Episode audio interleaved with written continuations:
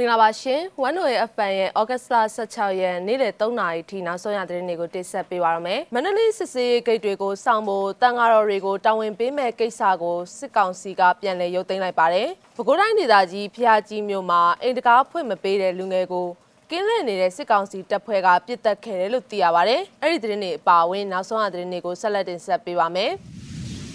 ထမောင်းဆုံးသတင်းတစ်ပုတ်အနေနဲ့မန္တလေးမြို့ရဟန်းတော်တွေကစစ်ကောင်စီရဲ့စစ်ဆေးရေးဂိတ်တွေမှာ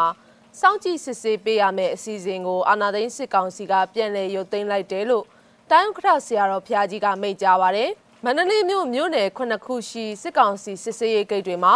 တန်ဃာတော်တွေကိုထားရှိဖို့စစ်ကောင်စီနဲ့တန်ဃာမဟာနာယကအဖွဲ့ကသဘောတူခဲ့တာဖြစ်ပါတယ်။တန်ဃာတော်တွေကိုစစ်ဆေးရေးဂိတ်တွေမှာတာဝန်ချထားဖို့ ဩဂတ်စ်လ12ရက်ကထုတ်ပြန်တဲ့စာကိုဩဂတ်စ်လ15ရက်ရက်စွဲနဲ့ပြန်လည်ရုပ်သိမ်းကြောင်းဒီနေ့အသိပေးလာတာဖြစ်တယ်လို့မန္တလေးတန်ကတော့အတိုင်းဝိုင်းကနေသိရပါဗျ။ဝေဘန်နာတွေရှိလာလို့ဒီကိစ္စကိုပြန်ရုပ်သိမ်းတာလို့သိရတယ်ဆိုပြီးဆရာတော်တပါးကမိန့်ပါတယ်။စစ်စေးဂိတ်တွေမှာတန်ဃာတွေကိုပါတာဝန်ပေးမယ်လို့ထုတ်ပြန်ပြီးတဲ့နောက်ဝေဖန်မှုတွေကျေလောင်စွာထွက်လာတဲ့အတွက်အခုလိုအမိန့်ကိုပြန်လည်ရုပ်သိမ်းခဲ့တာဖြစ်ပါတယ်။မြောက်ပြင်ကျောင်းတိုက်ကဆရာတော်တပါးကလည်း ဒါကတန်ဃာအချင်းချင်းရန်တိုက်ပေးတာပါတန်ဃာနဲ့ပြည်သူကိုရန်တိုက်ပေးတာလို့ပြောရမှာပဲဆိုပြီးပြီးခဲ့တဲ့နေ့ကဝေဖန်ခဲ့ပါသေးတယ်မန္တလေးမှာ COVID-19 ရောဂါအကြောင်းပြပြီးမြို့တစ်ခုနဲ့တစ်ခုအဝင်ထွက်ဂိတ်တွေကိုစစ်ကောင်စီတပ်တွေနဲ့မြို့နယ်တာဝန်ရှိသူတွေကစောင့်ကြပ်စစ်ဆေးမှုတွေကိုပြုလုပ်လျက်ရှိနေတာပါဒါပြင်တန်ဃာတော်တွေကိုပါစစ်ဆေးဂိတ်တွေမှာတာဝန်ယူဖို့တိုင်းတန်ခါနာယကဆရာတော်တွေနဲ့စစ်ကောင်စီတို့ဆွေးနွေးညှိနှိုင်းခဲ့တာဖြစ်ပါတယ်။ဒါပေမဲ့တန်ဃာတော်တွေနဲ့တီလာရှင်တွေအပြင်ထွက်တဲ့အခါ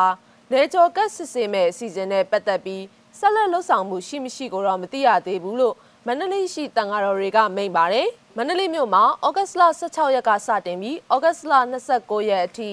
နေအိမ်ပြင်ပဈေးဝယ်ထွက်ခွင့်ကိုမနက်4နာရီကနေ9နာရီအထိနဲ့ညနေ3နာရီခွဲကနေ6နာရီခွဲအထိကန့်သက်ထားတာပါဈေးဝယ်ချိန်ပြင်ပဖြစ်တဲ့မနက်9နာရီကနေညနေ3နာရီခွဲအတွင်းကျမ်းမာရေးနာရေးကိစ္စကအပအပြင်ထွက်ခွင့်မပြုကြောင်းနဲ့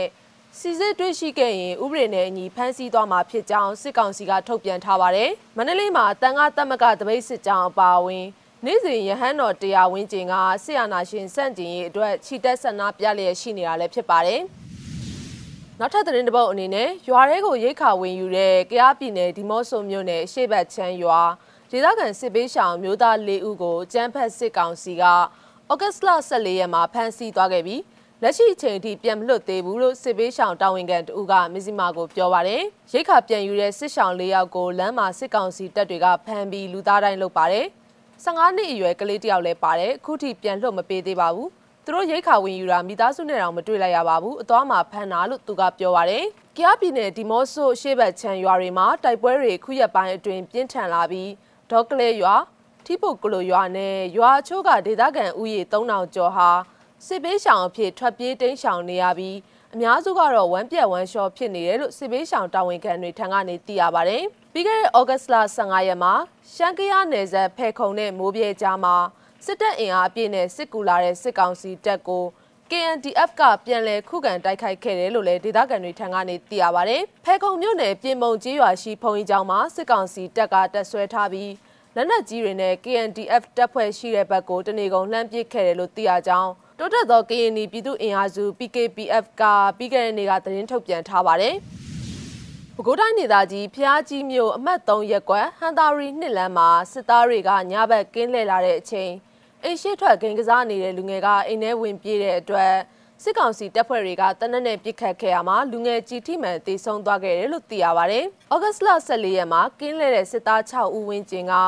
နေအိမ်ထဲဝင်ပြေးသွားတဲ့လူငယ်တွေကိုပစ်ခတ်ခဲ့တာဖြစ်ပါတယ်။ ည9နာရီလောက်လမ်းမျက်နှာချင်းဆိုင်ကဈေးဆိုင်ရှိကခုံမှာဂိမ်းထိုင်ဆော့နေတဲ့ကောင်လေးက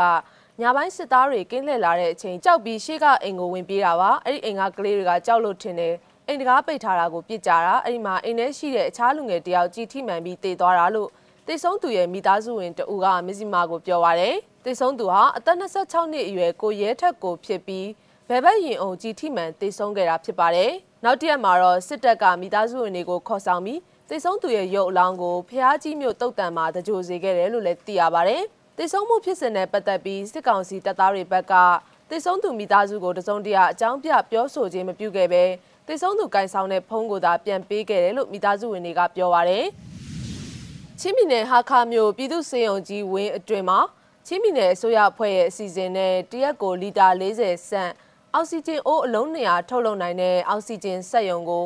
ဩဂတ်စ်လဒုတိယပတ်ကစတင်တိစောက်လျက်ရှိတယ်လို့သိရပါဗျ။ဒါပြင်ဟာခါမြို့နယ်အတွင်းရှိခရစ်ယာန်ဂိုင်းမောင်းဆောင်လူကြီးတွေနဲ့ဖွဲ့စည်းထားတဲ့ပြည်သူ့ကျန်းမာရေးကုညီစောင့်ရှောက်ရေးအဖွဲ့ကလည်းကိုတူကိုထအောက်ဆီဂျင်စက်ရုံကိုခုလအတွင်းမှာအပြီးတိစောက်သွားမှာဖြစ်တယ်လို့သိရပါဗျ။စစ်ကောင်စီတိစောက်မဲ့အောက်ဆီဂျင်စက်ရုံဟာအာစီအဆောက်အုံမျိုးစားဖြစ်ပြီးချင်းမီနယ်အစိုးရအဖွဲ့ရဲ့ ခွင့်ပြုရန်ပုံငွေနဲ့ဆောင်ရွက်သွားမှာဖြစ်ပြီးပြည်သူ့ကျန်းမာရေးကုညီစောင့်ရှောက်ရေးအဖွဲ့တိစောက်မဲ့အောက်ဆီဂျင်စက်ရုံဟာတန်မိုးကျပ်သိန်းပေါင်း3600အကုန်ကြခံပြီးပြည်ရိပီပါချင်းအသင်းတော်တွေရဲ့ကုညီမှုနဲ့အခုလအတွင်းမှာတိစောက်သွားမှာဖြစ်တယ်လို့သိရပါဗျ။စစ်ကောင်စီတိစောက်မဲ့အောက်ဆီဂျင်စက်ရုံတိစောက်ပြီးစီးသွားရင်တရက်ကိုလီတာ40ဆန်အောက်ဆီဂျင်အိုးအလုံး200ဖြည့်တင်းနိုင်မှာဖြစ်ပြီးပြည်သူ့ကျန်းမာရေးဖွဲ့တိစောက်မဲ့အောက်ဆီဂျင်စက်ရုံပြီးစီးသွားရင်တော့ တမိနစ်ကိုအောက်ဆီဂျင်900လီတာထုတ်လုပ်နိုင်မှာဖြစ်တယ်လို့လည်းသိရပါဗျ။လက်ရှိမှာတော့ဟာခမြို့မှာကိုဗစ်စစ်ဆေးခံရသူပေါင်း2000ကျော်နဲ့ပိုးတွေ့လူနာစုစုပေါင်း900ကျော်ရှိနေတယ်လို့လည်းသိရပါဗျ။နိုင်ငံတကာဘက်မှာတော့ကမ္ဘောဒီးယားနိုင်ငံမှာလွန်ခဲ့တဲ့နှစ်ပေါင်း40ကျော်ကခမာနီအစိုးရကျူးလွန်ခဲ့တဲ့လူမျိုးတုံးတပ်ဖြတ်မှုမှာပါဝင်ပတ်သက်မှုအတွက်ထောင်ဒဏ်တစ်သက်တကြိုးပြစ်ဒဏ်ချမှတ်ခံရတာကို